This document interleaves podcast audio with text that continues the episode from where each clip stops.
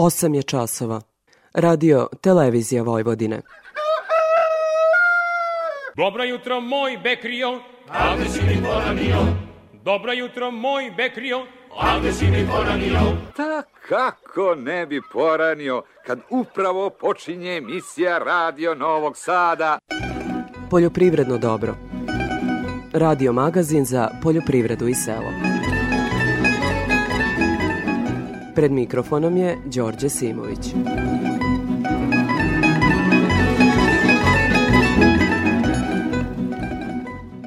Poštovni slušalci, dobro jutro. Godinama brojni problemi opterećuju proizvodnju pšenice u Srbiji, a direktna posledica je smanjena zainteresovanost poljoprivrednika za setvom pšenice ove jeseni. Bar zbog svega navedenog Utrinama u opštini Ada upriličen je forum o pšenici. Prvi forum o pšenici udruženje Agroprofit organizovalo je pre bezmalo deceniju i po.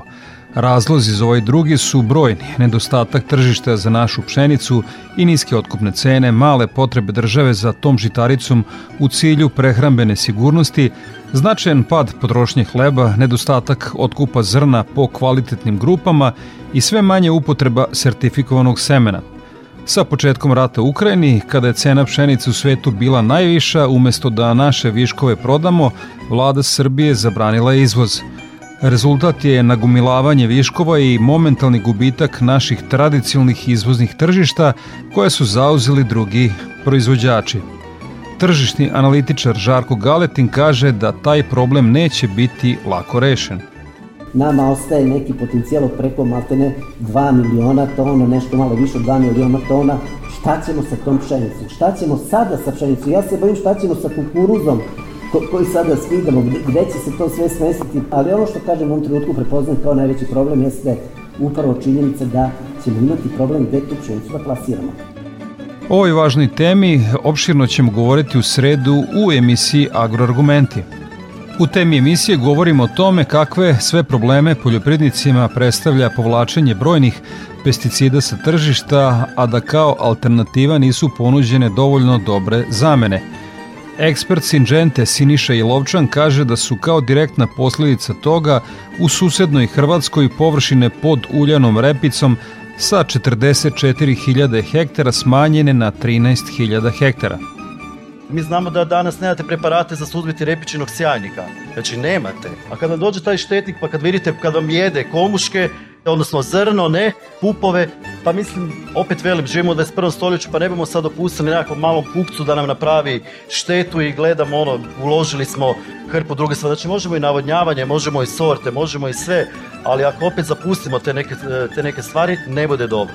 Bioloških preparata za repičenog sjajnika nema, ne, koliko ja znam, a radim na njima, pitanje je da li će, da li će ih biti. Možda će biti za nekakvih 10 godina, 15, Međutim, mi moramo doći sa rješenjima i to ljudi koji ovdje sjede očekuju od nas da im ponudimo i rješenja. Domaćim poljoprivrednicima ponuđeno je da razmene pšenicu i kukuruzi svojih zaliha za 36.000 tona mineralnog NPK đubriva iz državnih rezervi. To NPK đubrivo je domaćeg porekla upakovano u vreći od 25 kg. Jednom gazdinstvu može biti odobreno do 350 kg MPK đubriva po hektaru, a najviše za površine do 100 hektara.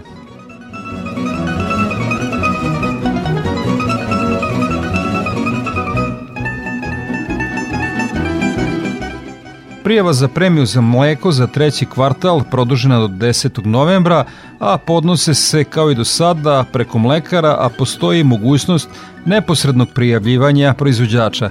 U Ministarstvu poljoprivrede podsjećaju da je premija po litru predatog mleka za ovaj kvartal 19 dinara.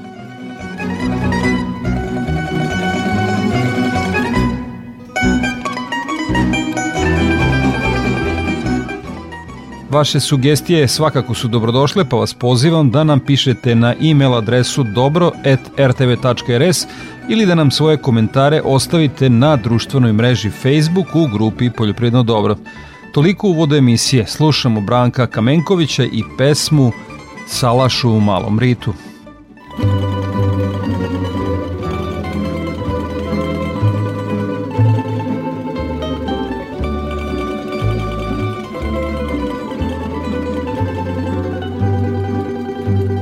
Ja sam rođen tamo na salašu. U ravnici kraj maloga rita Ljuljali me talasi Dunava? Milovala vojvođanska žita. Ljuljali me talasi Dunava Milovala vojvođanska žita. Tu se spaja Srem, Banat i Bačka. Tu se grle tri srca junačka i dete rodni salaš voli. Tu se srce sa čelikom boli Tu i dete rodni salaš voli. Tu se srce sa čelikom boli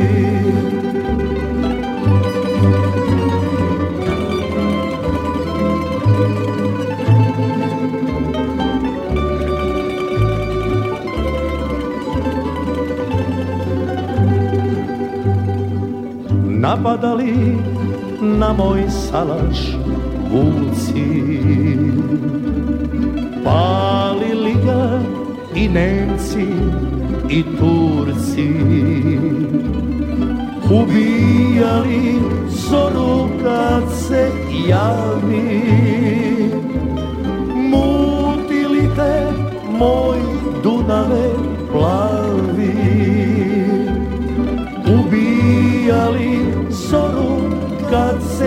javi Mutili te moj Dunave plavi Al krenut će svadbe sa salaša. Vratit će se vedre letnje noći Ravnica će procvetati naša.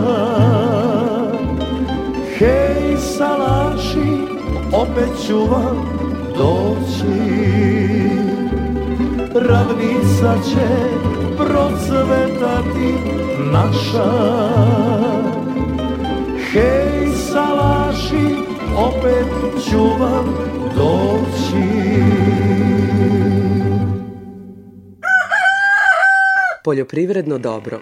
Radio Novi Sad.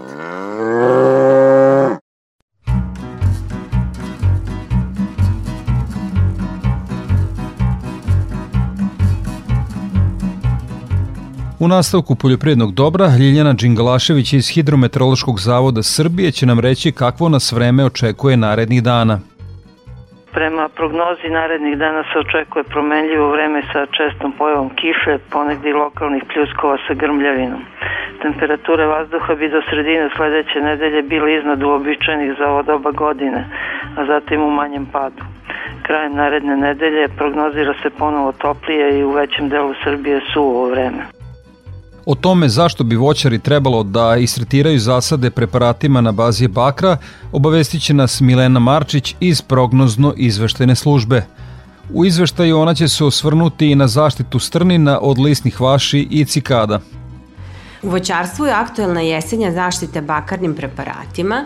Ove godine ovaj tretman ima poseban značaj jer smo tokom čitave vegetacije imali veoma povoljne uslove za razvoj bolesti, a zbog obilnih padavina u pojedinim situacijama nije bilo moguće sprovesti pravovremenu zaštitu, tako da su se simptomi pegavosti, plemenjače, truleži, bakterioznog sušenja i mnogih drugih bolesti rano tokom vegetacije pojavili u zasadima.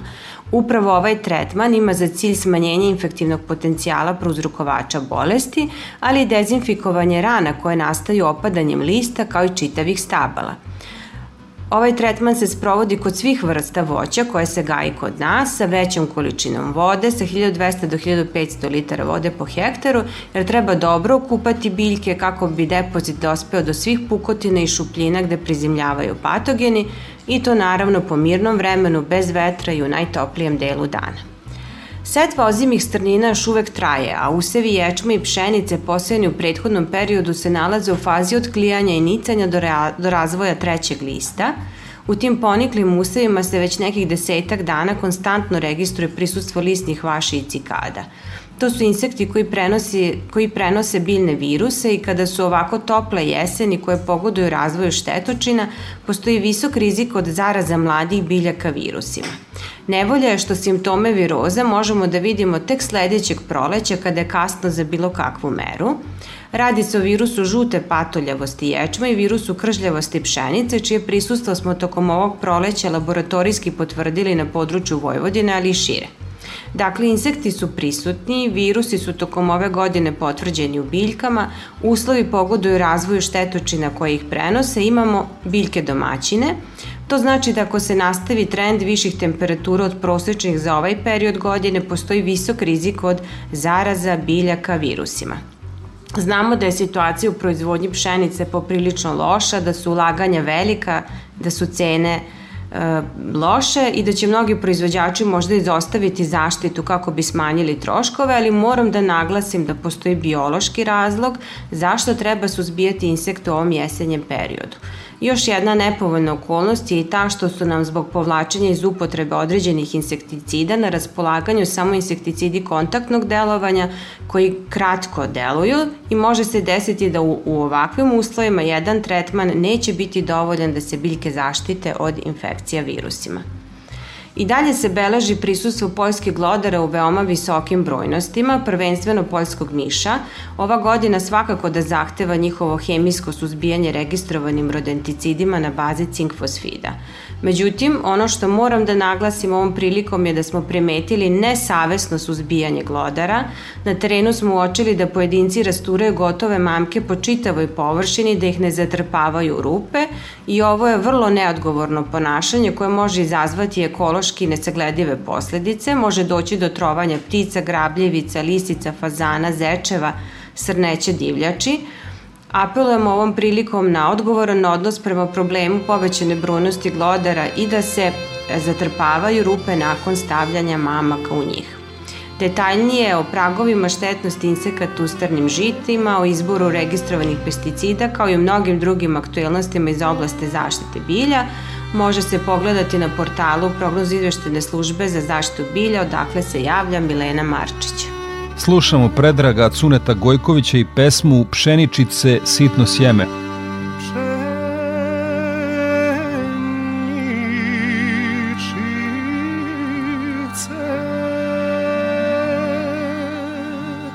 sitno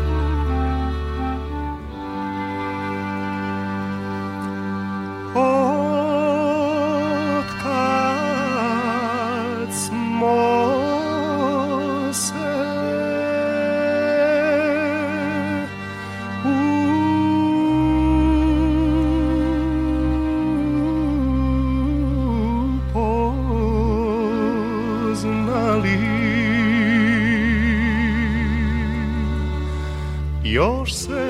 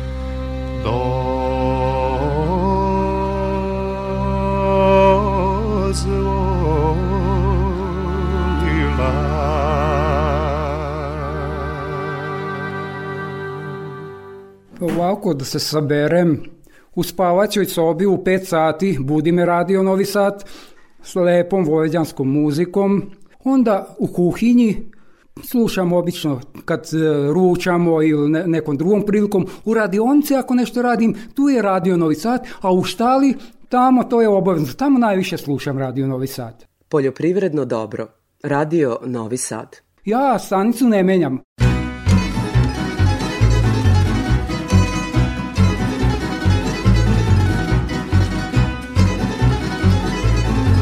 O prometu žitarica na produktnoj berzi više će nam reći Daniela Pećerić. Na robnom berzinskom tržištu zabeležen je rast cena kukuruza i sojinog zrna, dok je cena pšenice niža za 0,26% odnosno na prethodnu nedelju. Statistički najviše se trgovalo kukuruzom, udeo ove žitarice u ukupnom nedeljnom prometu iznosio je 65%. Tokom nedelje prisutna je bila veća aktivnost na strani tražnje, a interesovanje kupaca bilo je usmereno na kukuruz sa analizom na aflatoksin od 10 do 20 ppb-a.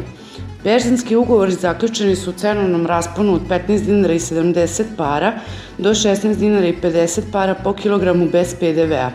Berzanski ugovor za kukuruz sa preuzimanjem u januaru 2024. godine zaključen je po ceni 17 dinara po kilogramu bez PDV-a.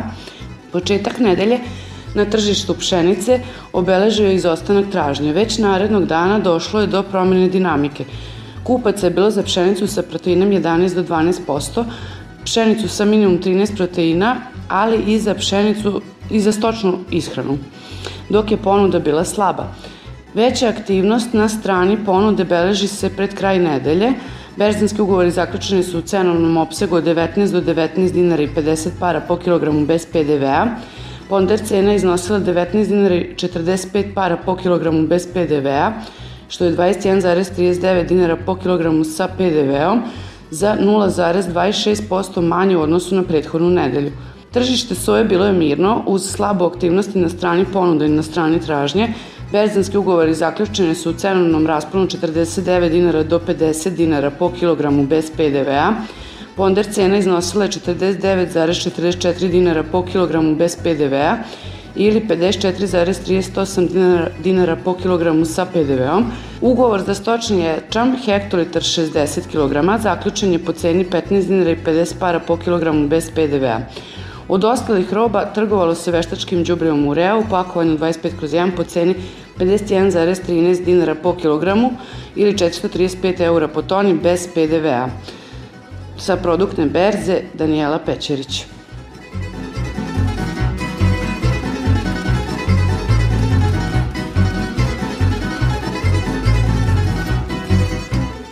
Nakon izveštaja sa produktne berze, Gordana Jeličić iz Infotim Logistike obavestit će nas o trendovima na tržištu stoke.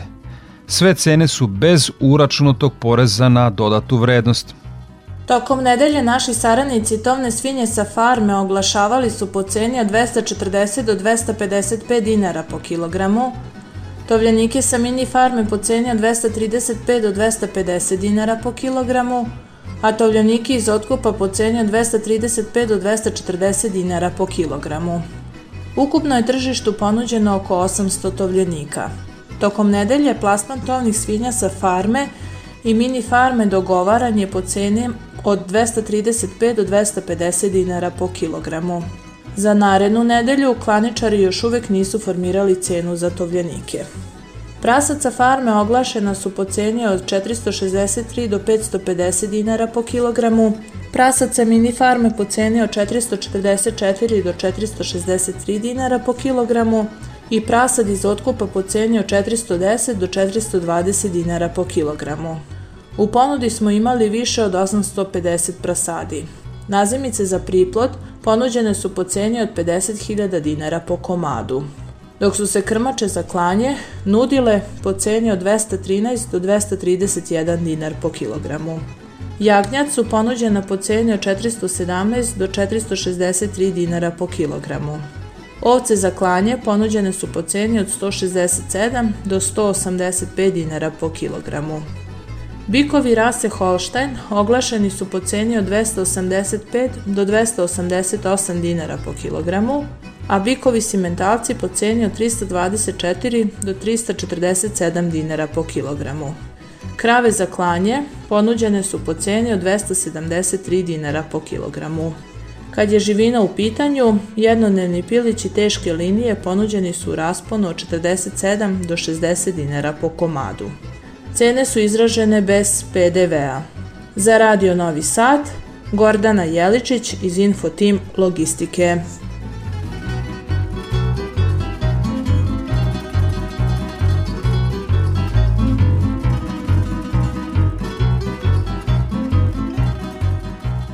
Afrička kuga svinja širi se u Mačvi.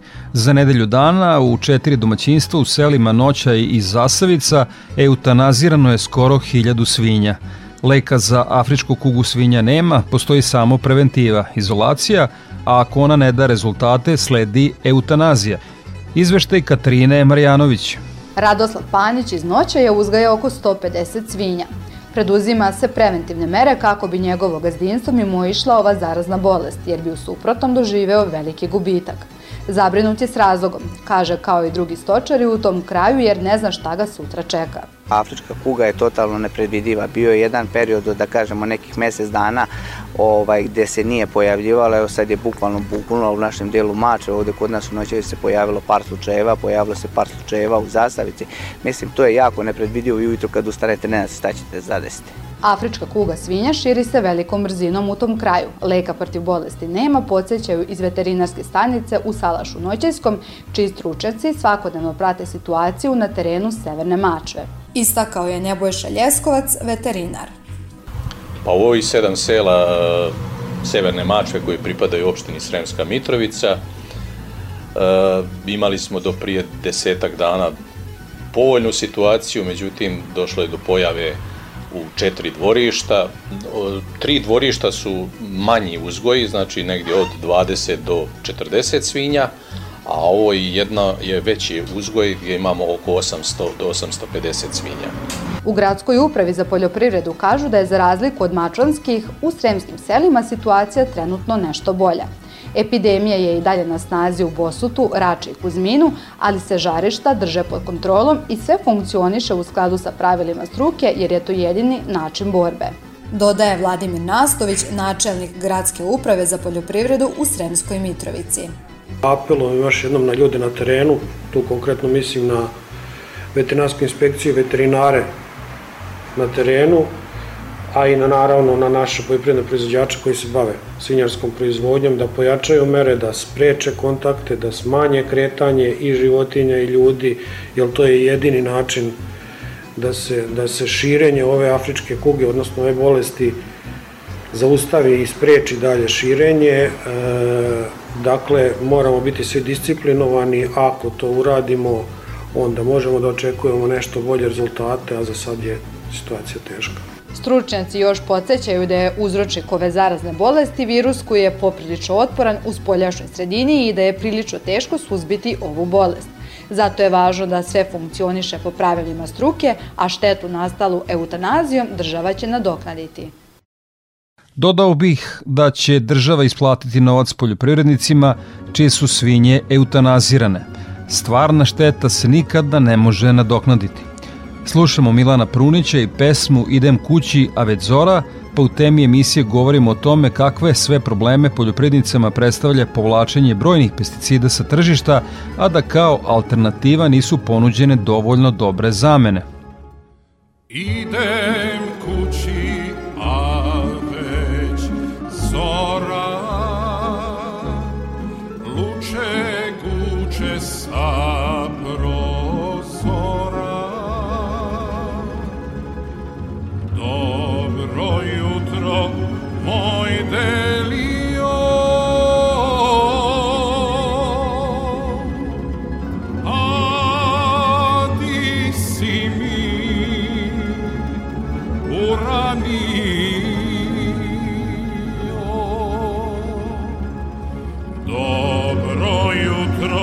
moj delio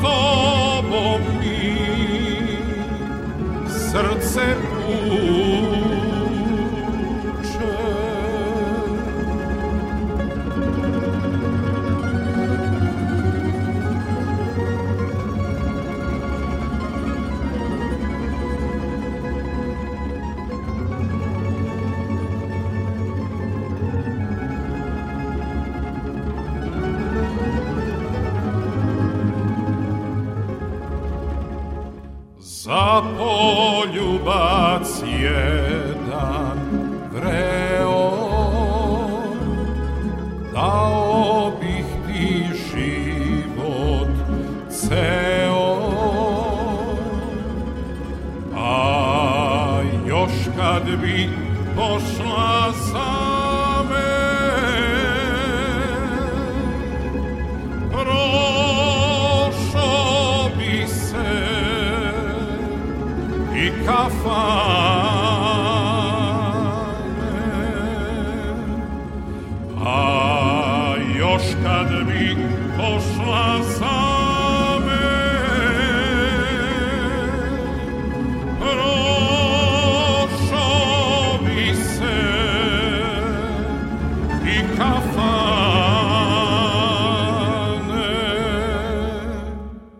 Tema emisije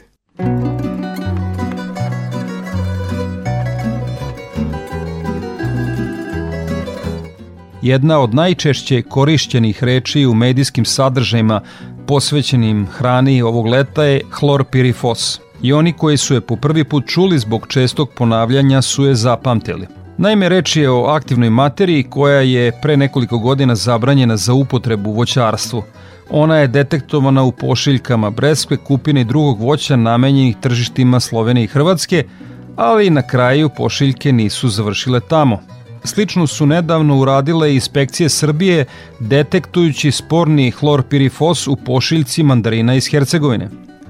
U današnjoj temi emisije nećemo se baviti zabranjenim pesticidima, već činjenicom da nema dovoljno dobrih zamena za njih.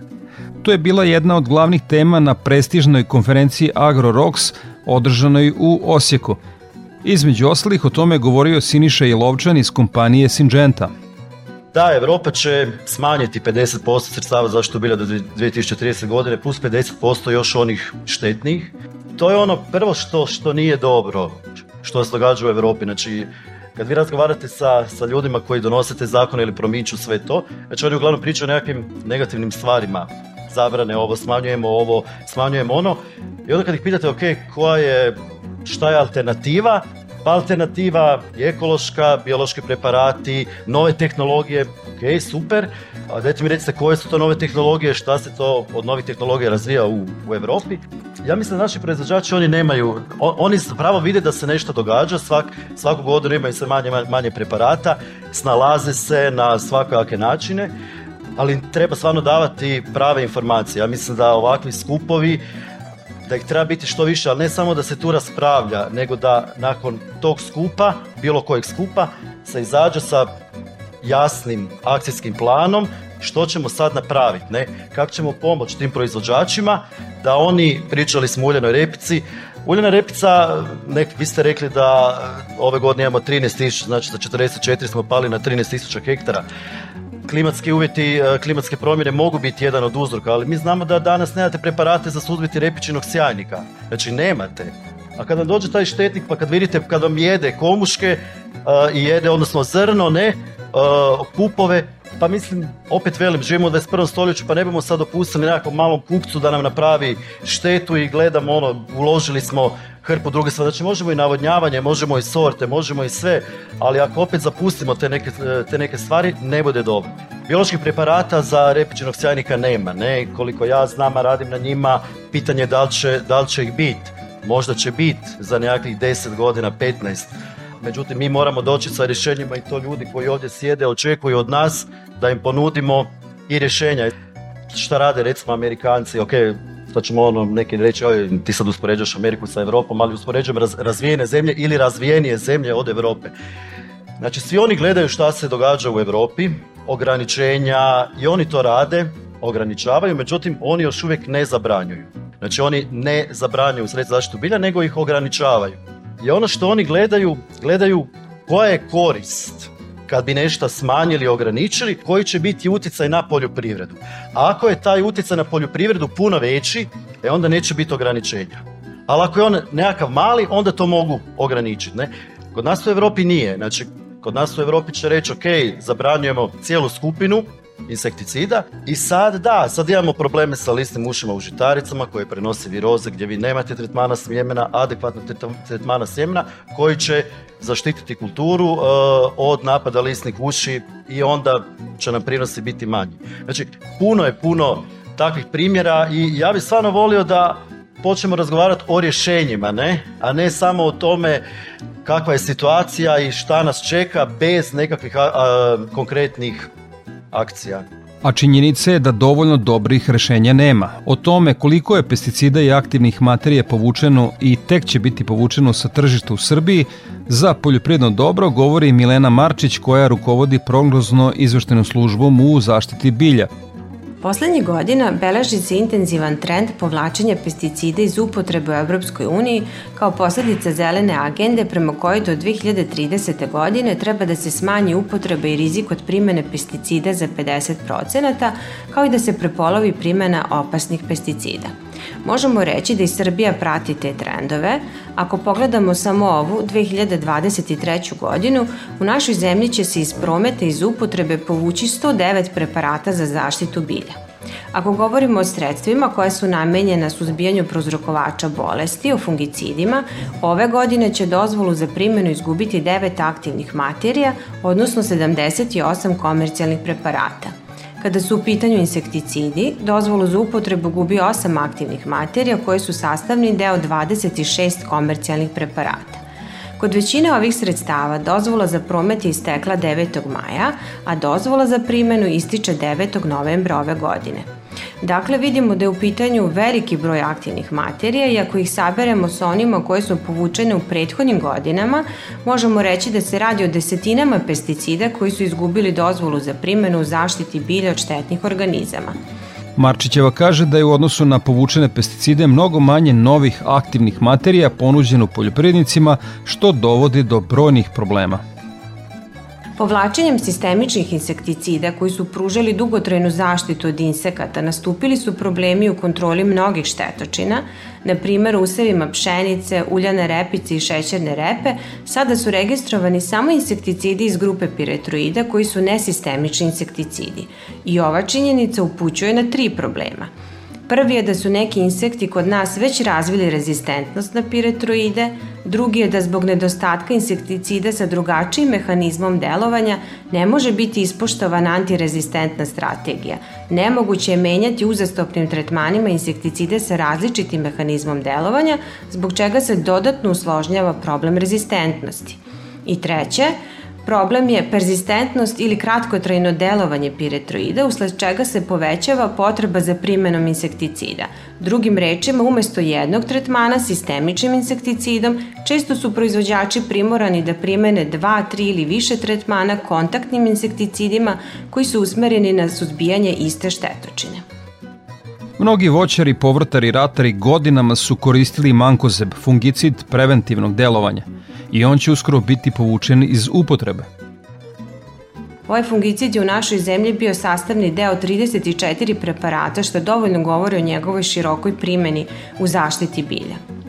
Njegovim povlačenjem nastaje, na primer, problem primene preventivnih fungicida u šećernoj repi, Naime, nakon povlačenja mankozeba od preventivnih fungicida prostaju samo oni na bazi bakra, međutim, kako ovaj teški metal ima mogućnost akumulacije u zemljištu i šteti zemljišnim organizmima, poput kišnjeg lista, već sada se govori o njegovom povlačenju tokom sledeće godine i mi ćemo zapravo ostati bez jednog preventivnog fungicida u zaštiti šećerne repe a naglasila bih da je u zaštiti od patogena ključna preventivna zaštita, jer je osnovna strategija da se ne dozvoli infekcija, a vrlo važna činjenica je i da patogeni ne razvijaju rezistentnost na preventivne fungicide.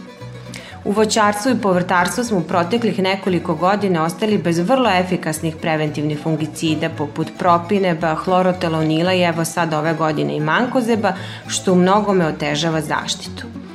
Kod povlačenja određenih aktivnih materija treba imati u vidu i različite agroekološke uslove u kojima se odvija poljoprivredna proizvodnja.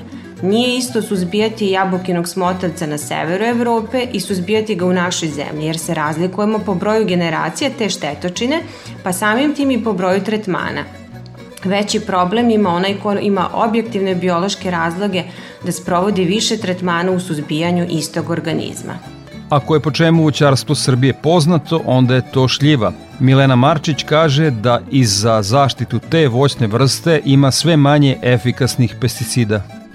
Iako se situacija sa registracijama popravlja poslednje godine i dalje imamo biljne vrste gde ima veoma mali broj registrovanih aktivnih materija, to se uglavnom odnosi na male kulture, međutim ima i biljnih vrsta koje su zastupljene na velikim površinama, a gde nema dovoljno aktivnih materija kao što je recimo šljiva. U šljivama je za suzbijanje najznačajnije štetočine šljivinog smotavca registrovano samo tri insekticida – Sa ova tri insekticida nije moguće suzbiti tri generacije ove štetočine, a da pritom budu zadovoljeni principi dobre prakse u zaštiti bilja. Nije moguće ispoštovati antirezistentnu strategiju i maksimalan broj dozvoljenih tretmana, pogotovo imajući u vidu suzbijanje i drugih štetočina od ekonomskog značenja u proizvodnji šljiva. Klimatske promene doprinale su tome da su se mnogi štetnici koji nisu bili prisutni na našem terenu odomaćili u Srbiji – To je veliki izazov za zaštitare. Milena Marčić daje i nekoliko preporuka kako izaći na kraj sa ovim izazovima. Kao posledica klimatskih promena koje se dešavaju kako na globalnom nivou, tako i u našim proizvodnim uslovima, došlo i do promene sastava i značaja štetnih organizama u poljoprivrednoj proizvodnji. Beležimo introdukciju novih vrsta koje postaju ekonomski značajne štetočine. Recimo, jedna od njih je i brown mramorasta stenica koja prouzrukuje velike štete na izuzetno velikom broju biljnih vrsta. U zasadima leske ona može pričiniti velike štete, a za njeno suzbijanje je registrovan samo jedan insekticid. Sa jednim insekticidom nije moguće zaštititi lesku od ove invazivne štetočine, a da se ispoštuju osnovni principi dobre prakse u zaštiti bilja. Ono što je takođe problem je da trend povlačenja aktivnih materija iz upotrebe ne prati trend formulisanja i registracije novih aktivnih materija. Ovaj problem se usložnjava i pojavom novih štetnih organizama. I da zaključimo, iz ove situacije može se izaći samo na dva načina. Prihvatanje modela interventnog oročenog odobravanja upotrebe pesticida u incidentnim slučajevima, što je praksa u mnogim zemljama Evrope, To znači da se na određeno vreme dozvoljava upotreba neke od povučenih aktivnih materija kako bi se rešio gorući problem. Drugi način, koji bi se teško mogao nazvati potpunim rešenjem, već samo ublažavanjem štete, je primjena nekih alternativnih tehnika, kao što je, na primer, kupanje stabala kruške rastvorom sirćeta i deterđenta u zaštiti od kruškine buve. Jasno je da je u ovakvoj situaciji jedini način za potpuno rešavanje problema u zaštiti bilja, pored primene svih preventivnih nepesticidnih mera, iznalaženje novih aktivnih materija koje su ekotoksikološki prihvatljive. Međutim, ovaj posao nije u našim rukama, ali ono što jeste u našim rukama je da prateći biološke događaje štetnih organizama upotrebimo raspoloživa sredstva u pravo vreme i time postignemo maksimalna, maksimalan efekat, a ovo jeste jedan od temeljnih načela funkcionisanja prognoz izveštene službe za zaštitu bilja svih ovih godina. Povlačenje postojećih i nedostatak adekvatnih pesticida veliki je problem za proizvođače hrane koji neće biti brzo prevaziđen. Zato ćemo se tom temom obavezno baviti u narednom periodu. Da ponovim da se ove godine iz primjene povlači 109 preparata za zaštitu bilja, dakle fungicida i insekticida, čija dozvola za primjenu ističe najkasnije 9. novembra.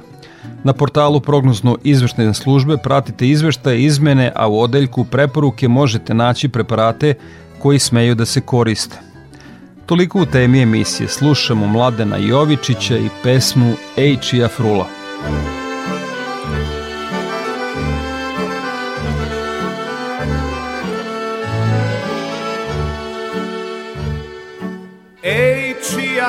frula ovim šorom svira.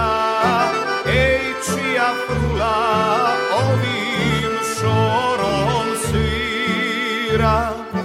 Ej, to je frula siromaškog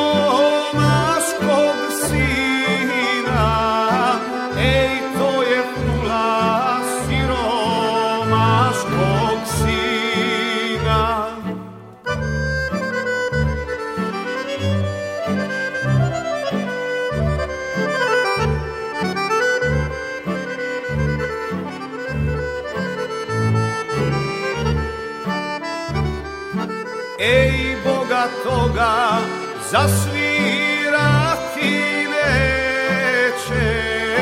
Ej, Boga toga zasvirati neće. Ej, Boga plati, pa ga svirac prati Ej, Boga plati, pa ga svirac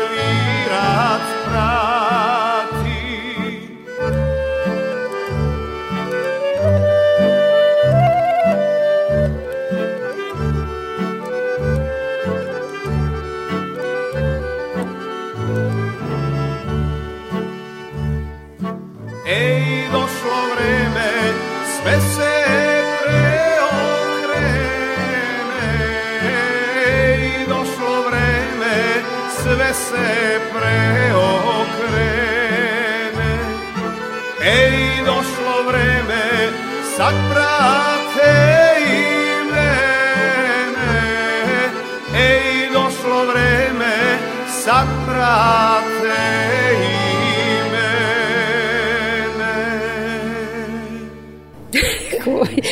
tremu. Nemojte, nemojte, opuštajte. Poljoprivredno dobro opušta.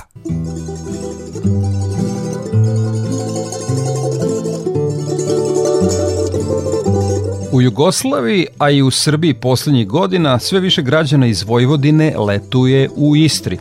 Tokom turističke sezone širom Istre organizuju se brojni festivali na kojima se mogu kupiti specifični prehrambeni proizvodi toga kraja.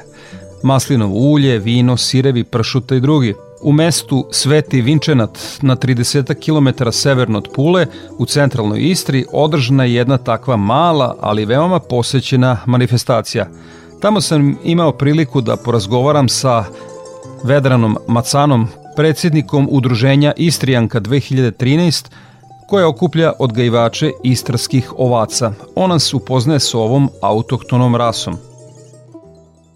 To je jedna e, rasa ovaca više mliječna ovca, ne? E, ima obično janje do dva, već ajmo, ajmo reći 1,2 ili 3 janjeta godišnje po ovci. Karakterizira visoka mliječnost, znači to je do oko 180 do 200 litara mlijeka godišnje.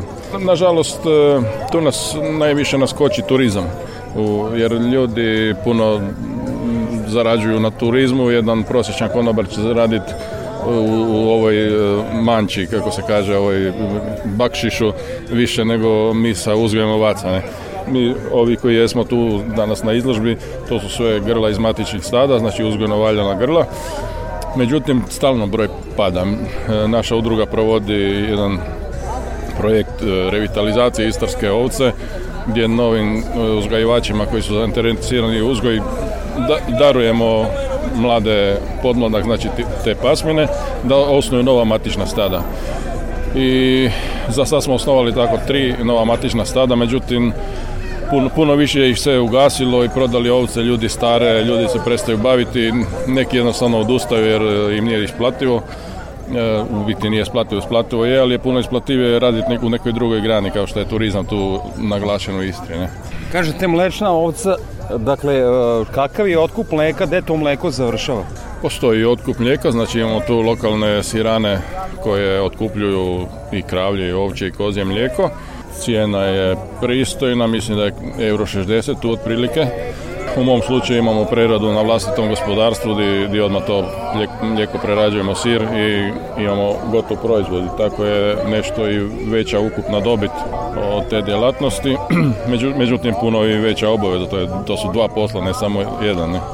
koliko je generalno e, problem u poljoprivredi ta demografska slika ne samo na Balkanu i nego celoj u istočnoj Evropi kada je reč o proizvodnji hrane? A to je veliki problem. E, ljudi, mislim, razumno je. Zašto bi radio tu za 700-800 eura ako može 100, par sto kilometara dalje raditi za 3000 eura. E, za radi, vrijeme brzo prođe dok dođe do kraja radnog vijeka je u mirovini kad se vrati onda u mirovini nazad on će imati 3-4 puta veću mirovinu nego što zaradio tu i ovaj, jednostavno je kako teško se boriti s tom konkurencijom. Mi smo postali član Europske unije kao i neke tu istočne zemlje. Međutim, čini mi se da smo mi, da je naša radna snaga hrana za njihovu veći, već razvijenu industriju i ovaj, da usisavaju našu radnu snagu, a, a, a nas osiromašuje, mi, mi te robe koje oni proizvode u toj industriji uvozimo, ne? Tako da je to direktna deficit. I sad e, za kraj razgovora nekako u regiji je Istra prepoznata kao područje koje proizvodi vrhunska vina i vrhunsko maslinovo ulje, možda i najbolje u Evropi. Gde su tu proizvođači ovčih sira? E, proizvođači ovčih sira, pa e, kako imamo taj naglašeni turizam, to sve završi tu lokalno ili mi na kućnom pragu gotovo sve prodamo, evo tu na festivalima ono što nam ostane. Uglavnom proda ide i te sirane koje otkupljuju mlijeko prodaju, imaju ugovore sa hotelskim kućama, sa, po, po nekim trgovačkim lancima i tako, to, to relativno nije problem plasmana. Ne? Problem je jedno rad, rad je problem, znači sve manje ima ljudi koji su zainteresirani za takav fizički rad sa životinjama. Hvala vam puno za odvoreno vreme za Radio Novi Sad. Hvala vama na interesu. Bio to predsjednik udruženja Istrijanka 2013 Vedran Macan. Od njega smo više saznali o autohtonoj istarskoj ovci, ali i plasmanu specifičnih prehrambenih proizvoda kroz sektor turizma. A u susret temi sledećeg priloga slušamo Tozovca i pesmu Čiča peče rakiju. Čiča peče rakiju Zatvorio avliju Jedan bezobrazan Sakli se za kazan Pa mu popira akiju Jedan bezobrazan Sakli se za kazan Pa mu popira akiju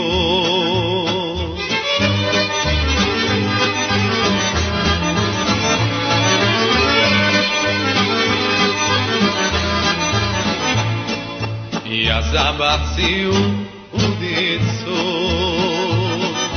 Da upecam curicu. Curica je mala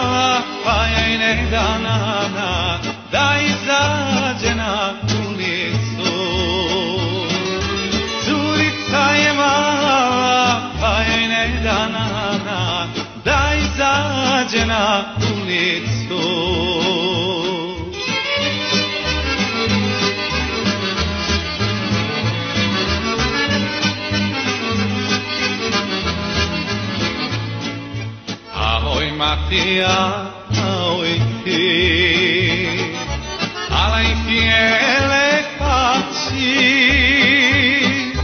ale i tijele pa, da nema mladića, uzovik je za ženu.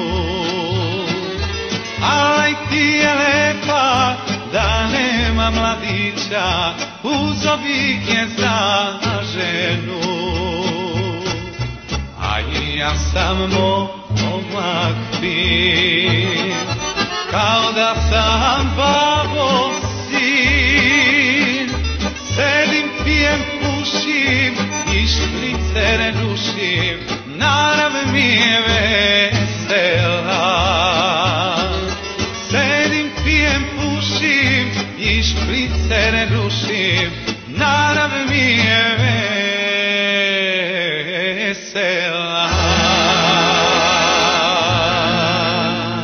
Poljoprivredno, Poljoprivredno dobro. Radio, Radio Novi Sad.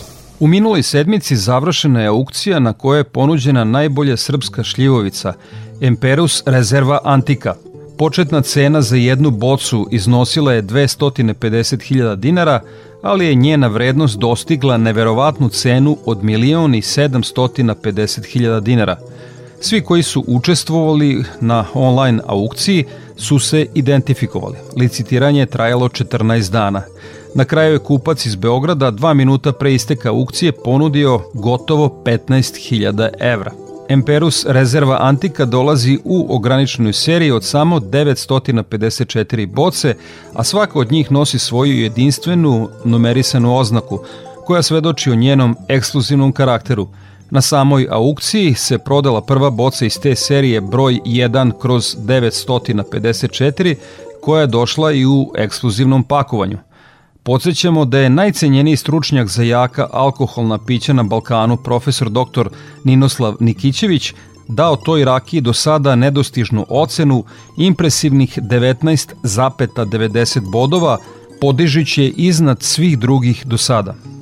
Nisam dao niti, ne verujem, ne, ne verujem da će daći 20 pojena, ali sam ovo danas dao 19.9. Na zvaničnim ocenjivanjima ovo je zaista najviša ocena koju sam ja ikada dao u poslednjih 39 godina. Uskićen sam, taj uzorak je, ako se poredi sa francuskim konjacima i najkvalitetnijim škotskim malt viskijima, znači ne da je barabara u istoj kategoriji, znači on je zaista bolji. Znači, nešto, nešto perfekcija. To je jedan od redkih uzoraka koji je dobio od svih članova komisije Ajkule takozvane. A prosek je bio 1966. To se zaista nije desilo u poslednjih znači, 39 godina na svim takmičenjima e, senzornog ocenjivanja kvaliteta e, bilo kog jakog alkoholnog pića, ne samo šljivo i prepačenica u sebi. Kada reč o nagrađenoj šljivovici, ona je napravljena od sorti crvena ranka, čačanska rodna i čačanska lepotica, koje su isključivo gajene i brane na teritoriji Šumadijskog okruga. Nakon završene fermentacije, prevrali kljuk dva put je destilisan u bakarnim destilacionim uređajima. Rakija je odležavala u buradima napravljenim od hrasta kitnjaka sa srpskih planina. Nekada je naš poznati književnik Momo Kapo rekao da ne razume ljude koji prodaju vino, jer kako je govorio, šta može bolje da se kupi za taj novac. To svakako važi i za naše šljivovice prepečenice koje su kruna u lepezi jakih alkoholnih pića.